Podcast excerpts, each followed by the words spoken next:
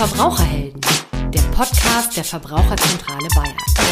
Hallo und herzlich willkommen zu den Verbraucherhelden, dem Podcast der Verbraucherzentrale Bayern.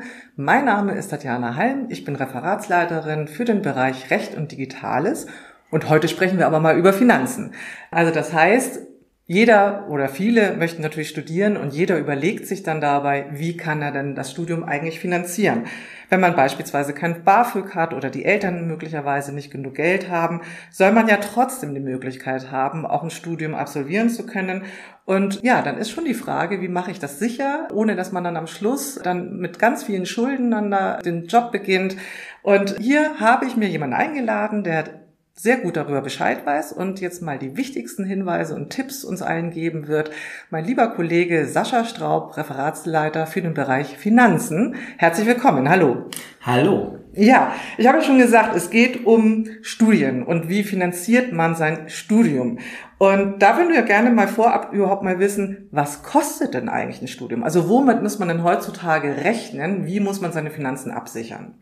Ja, das Studium ist ja ein Vollzeitjob, der nicht bezahlt wird. Das heißt, tatsächlich ist das eine, eine der wichtigsten Fragen überhaupt. Wie kriege ich mein Studium finanziert? Da haben wir verschiedene äh, Positionen. Das fängt damit an, es gibt einen Semesterbeitrag, den halt die Studierenden zahlen müssen.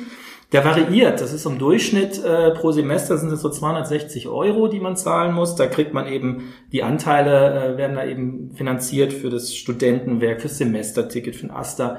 Und dann kann es sein, dass da noch Studiengebühren hinzukommen. In Deutschland zum Glück im Erststudium äh, eh nicht der Fall, sondern ist mal eine Privatschule, Hochschule. Aber ansonsten kommt dann der richtig große Block. Das sind die Lebenshaltungskosten. Ne? Also alles, was ich für Wohnen, Ernährung und so weiter brauche. Und da hängt es natürlich stark davon ab, wie lebe ich und wo lebe ich. Das heißt, in sehr günstigen Städten kann man vielleicht mit 700, 800 Euro im Monat hinkommen. Aber gerade in Metropolen äh, wird man eher im Bereich von 1500 Euro im Monat liegen oder mehr. Und da äh, muss man sich halt schon gut überlegen, wie finanziert man das. Ja, und was hat man darüber hinaus vielleicht noch an Freizeitwünschen etc.? Ne? Das kommt ja auch noch sicherlich dazu. Also darüber wird man sich ja auch Gedanken machen müssen. Also da kommt ja einiges dann auf einen zusammen. Also ich meine, mal 1000 Euro roundabout im Monat dann mal zusammenzubekommen, ohne dass man ja eigentlich arbeitet dafür, ist ja nicht so einfach. Und genau deswegen wollen wir dann mal von dir jetzt wissen, wie kann man sich denn finanzieren? Also welche Möglichkeiten hat denn der angehende Student, genau diese Summe dann halt im Monat dann auch irgendwie abzudecken? Ja, als erstes äh, BAföG, hat jeder schon gehört, äh, die Bundesausbildungsförderung. Das ist ein Instrument der Sozialleistung. Äh, das bedeutet, äh, das soll genau sicherstellen, dass diejenigen äh, eine Ausbildungschance bekommen, sich qualifizieren können, auch wenn sie kein Geld für äh, entsprechende für entsprechendes Studium haben. Das heißt, das ist richtet sich eben äh, abhängig von der finanziellen Situation an alle, die eben im Grunde genommen BAföG berechtigt sind. Wer das ist, das kann man relativ äh, gut über BAföG-Rechner im Internet rausfinden. Und der Vorteil am BAföG ist, man äh, kriegt eine feste Summe, man kriegt eine Finanzierung über das gesamte Studium. Neun Semester ist so die Höchstdauer im Regelfall.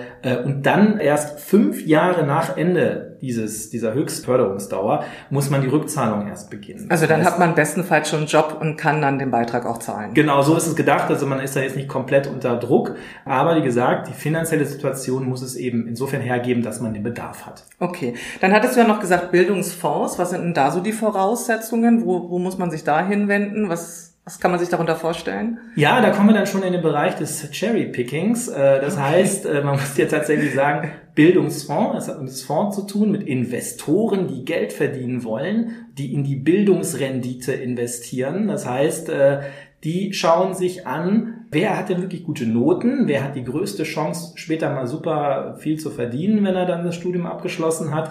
Die wollen wir finanzieren. Für die ist das ja ganz toll. Die kriegen auch wirklich äh, so eine Finanzierung, dass sie nicht mehr einen Nebenjob brauchen.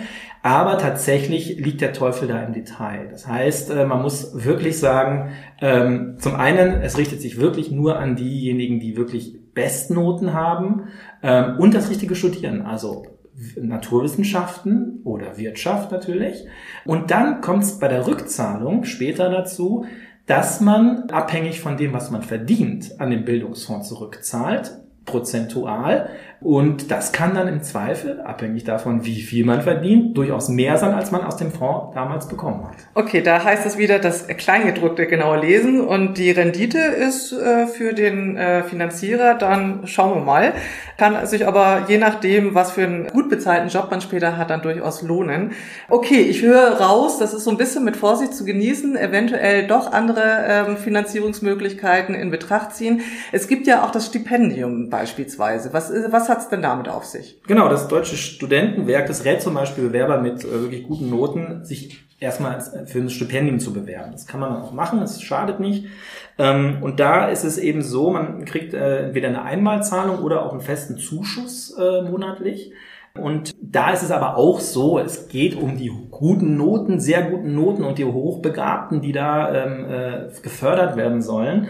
Ähm, der absolute Vorteil des Stipendiums ist aber, dass keine Rückzahlung erforderlich ist. Das bedeutet, das ist wirklich äh, eine Vollfinanzierung sozusagen des Studiums, ohne dass man später noch auf Schulden sitzt. Also das heißt zusammengefasst, der erste Versuch, wenn man zumindest gute Noten hat, ist es ja auch okay, wenn man sagt, das ist ja auch, äh, hat ja auch Aussicht auf Erfolg, versuchen sich irgendwie als Stipendiat zu bewerben, im Zweifelsfall BAföG und das mit dem Bildungsfonds durchaus mit Vorsicht genießen.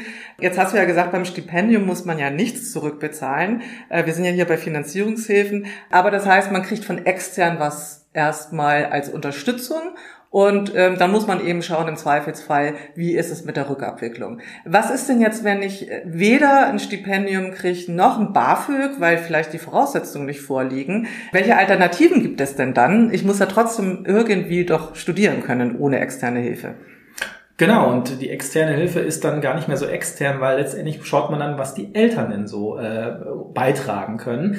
Denn äh, die Eltern sind verpflichtet, volljährigen Kindern zumindest ihre erste Ausbildung äh, zu finanzieren, ihren aus, ersten Abschluss zu finanzieren. Das ist eben dann auch das durchaus das Studium. Und äh, das läuft dann nach der Düsseldorfer Tabelle. Da sind wir da in so einem abhängig vom Einkommen der Eltern Unterstützungsbetrag monatlich von etwa 630 bis 1200 Euro, was da dann quasi gezahlt werden müsste als Elternunterhalt. Wie gesagt, da muss das Einkommen der Eltern stimmen. Deswegen, wenn es stimmt, kriegt man ja auch kein BAföG. Und dann äh, ist eben noch die Sache zusätzlich, käme noch der Nebenjob dazu. Nicht optimal, weil das verlängerte Studium im Regelfall aber hm, vielleicht eben nicht äh, anders machbar.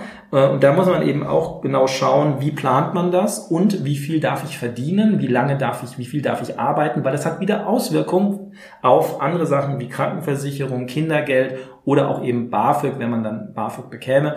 Das heißt, auch da sollte man sich gut vorher informieren äh, und nicht einfach alle Möglichkeiten ziehen und äh, nachher sehen, oh, es wird mir alles nochmal abgerechnet, angerechnet und dann stehe ich da. Ja, aber so ein Nebenjob mag sein, dass das Studium vielleicht länger dauert, aber man lernt ja vielleicht auch andere Dinge. Also insofern kann das ja auch ein Vorteil sein, äh, dass man da was anderes mitnimmt. Man kann seinen Horizont erweitern. Man kann seinen Horizont erweitern, sehe ich auch so. Also ein Nebenjob muss nicht unbedingt nachteilig sein. Also ich habe auch äh, lange nebenbei beim Radio gearbeitet und muss sagen, hat mir jetzt für den Job auch was gebracht. Also insofern hat es sich durchaus rentiert. Aber ich höre auch raus, dass es auch so ein bisschen Kombifinanzierung geben kann. Also weil der Unterhalt 628 Euro von den Eltern mag ja auch nicht unbedingt reichen. Also das heißt, könnte man dann auch alternativ ergänzend noch andere Leistungen dann in Anspruch nehmen? Ja, äh, letzten Endes gibt es dann auch den Studienkredit. Also letzten Endes eine Kreditfinanzierung des Studiums. Kredit, das ist ja jetzt erstmal Bank. Ne? Also was heißt ein Kredit erstmal ganz allgemein? Worauf lasse ich mich da ein? Na, also ein Darlehen oder Kredit ist, äh, die, ist die Eingehung einer Geldschuld mit zeitlich verzögerter Rückzahlung. Das bedeutet, ich bekomme von jemand anderem Geld damit ich ein Vorhaben finanzieren kann. Ich muss das Geld nicht sofort zurückzahlen, sondern zu einem späteren, deutlich späteren Zeitpunkt oder in Raten, also in kleineren äh, ähm, äh, Raten. Und da ich das Geld vielleicht Fremdkapital bekommen habe, zahle ich dafür was. Ja, keiner macht das umsonst, ne? Das sind ja die Zinsen. Das bedeutet, am Ende zahle ich ja nicht nur den Kredit zurück, sondern darauf hinauf auch die Zinsen, das heißt mehr, als ich nachher bekommen habe. Also allgemein kennt man das ja im Alltagsgeschäft, glaube ich, ne? Dispo-Kredit, äh, ich kann es gar nicht aussprechen, Dispo-Kredit. Ähm, hat das damit was zu tun oder ähm, also ist das doch nochmal was anderes? Ja, das ist natürlich eine Form äh, eines Kredites, wobei man sagen muss, äh, es ist durchaus der schlechteste Kredit, den man abschließen kann. Für die Studienfinanzierung nicht geeignet. Warum? Viel zu hoher Zinssatz und letzten Endes in vielen Fällen auch ein Einstieg in eine Verschuldungsspirale sollte man äh, nicht machen, weil man einfach jederzeit darauf zugreifen kann über sein Konto. Ja, das heißt, die Bank räumt einen den ein. Äh, man kann jederzeit zugreifen. Es ist nicht so, dass man den bewusst abschließt. Ich gehe jetzt in den Dispo, ist eher kann auch zufällig passieren äh, oder ungewollt passieren, aber da muss man wieder rauskommen. Und da braucht man auch entsprechend äh, Geld im Rücken, um das dann auch wieder zu stemmen. Ja, und wahrscheinlich auch die absolute Kontrolle über seine Finanzen, äh, damit man dann die Raten wieder abbezahlen kann. Aber du hattest ja was von Studienkredit gesagt. Also dann gehe ich mal davon aus, das ist dann doch nochmal was anderes und dann durchaus attraktiver für die angehenden Studenten und Studentinnen? Genau, es ist letzten Endes ein Förderkredit, da gibt es staatliche und private Angebote. Das äh, kann man im Grunde genommen für sowohl Studiengebühren, aber auch für Lebenshaltungskosten von Studierenden äh, sozusagen dann abschließen. Und da ist es so, das funktioniert letzten Endes wie ein Darlehen. Äh, man, man kriegt quasi einen Kreditvertrag, ähm, man kriegt eine monatliche Auszahlung, um eben seine, seine Kosten decken zu können und äh, muss aber noch nicht zurückzahlen. Man hat zwar auch die Zinsen und man kann auch eine Tilgung vereinbaren, aber grundsätzlich ist es so, dass erst nach dem Studium man im Grunde genommen eine Rückzahlungsvereinbarung dann trifft. Das heißt, man wird nicht während des Studiums belastet. Man muss auch keine Sicherheiten hinterlegen, also das Haus der Eltern oder so verpfänden, sondern äh, das ist tatsächlich eben für diese Zielgruppe, die ja noch nicht viel hat, äh, konzipiert. Und dann ist es tatsächlich so, äh, dass man, dass man dann in Ruhe studieren können soll, um dann später, abhängig von den Konditionen des Vertrages, dann auch eine ratenweise Rückzahlung realisieren kann, wenn man dann Geld verdient. Also ein bisschen wie BAföG, bloß von der Bank. Genau. Also äh, ganz grob, ganz, ganz grob, ganz, ganz grob. grob, gesagt, ja. aber es ist letzten Endes äh, quasi ein Kreditvertrag. Ja. BAföG ist es eben in der Fassung nicht. Ja, nee, weil hier hat man ja auch einen Privatunternehmer und nicht den Staat auf der anderen Seite. Es ist jetzt keine Sozialleistung, sondern natürlich hat das, äh, hat die Bank ein persönliches Interesse, am Schluss dann doch noch mit einem Plus rauszugehen, das ist schon klar. Aber anscheinend nicht so wie jetzt bei klassischen Krediten. Also die äh, Banken gehen dann hier wahrscheinlich auch einfach ein größeres Risiko ein, aber es soll dann halt eben dazu führen, dass jeder studieren kann. Ich fasse nochmal zusammen. Das heißt, Letztendlich hat jeder die Möglichkeit zu studieren oder weitestgehend, weitestgehend jeder die Möglichkeit zu studieren. Man muss ja natürlich immer die persönlichen Lebensverhältnisse anschauen. Manchmal reicht vielleicht auch der Kredit nicht. Aber ähm, wenn man jetzt studieren will, sollte man sich eben genau überlegen, wie finanziere ich das? Erstens Stipendium bestenfalls, wenn die Noten reichen, oder im Zweifelsfall BAföG, sich mit den Eltern absprechen, was könnt ihr beitragen und vielleicht auch schauen, auch wenn es ein bisschen äh, länger dauert, mal ein Semester, vielleicht auch mal schauen, ob einem vielleicht nicht ein Nebenjob äh, neben dem Studium vielleicht auch was bringt. Und Zweifelsfall kann man dann aber immer auch noch auf einen Studienkredit zurückgreifen, hier, wie immer, das Kleingedruckte lesen und die Bedingungen lesen, damit man weiß, was auf einen am Schluss zukommen kann. Habe ich das jetzt richtig zusammengefasst? Ganz wunderbar. Wunderbar, vielen Dank. Jetzt habe ich es auch verstanden. Bei mir ist leider schon durch. Kann ein Zweitstudium, weiß ich nicht, ähm, glaube ich. Da gibt es auch Finanzierungsmöglichkeiten, aber das würde das jetzt äh, ausdehnen. Okay, okay, okay, okay. Ich weiß auch gar nicht was. Ähm, aber hast du dann nochmal zusammengefasst einen letzten Tipp für die Zuhörerinnen und Zuhörer? Letzten Endes die Budgetplanung ist total wichtig. Äh, da gibt's auch ähm, eine Menge Rechner und äh, auch Studienkostenrechner, die man äh, zu Hilfe nehmen kann, wenn man sich frühzeitig damit befasst. Wichtig ist auch die Auswahl zu überlegen, wie wohne ich, wo wohne ich, WG oder Einzelapartment bei den Eltern.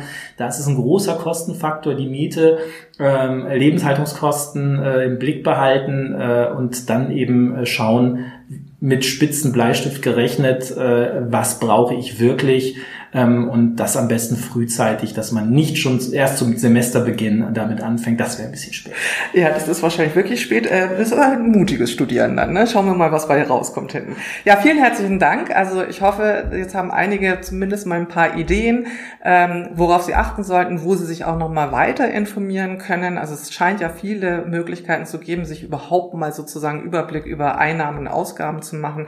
Was wahrscheinlich wirklich das Wichtigste ist. Bücher kosten ja auch noch was, muss man ja auch mal sagen, ähm, sind ja auch noch notwendig. Also insofern denke ich mal, äh, können viele jetzt auch so ein bisschen sich mal vorbereiten. Dann danke ich dir recht herzlich für die Informationen. Vielen Dank. Bis, Sehr gerne. Bis zum nächsten Finanzthema, wo ich dich natürlich gerne einlade.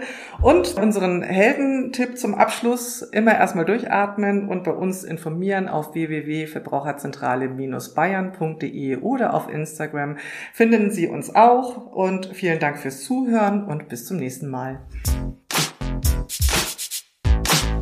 Die Verbraucherhelden, der Podcast der Verbraucherzentrale Bayern.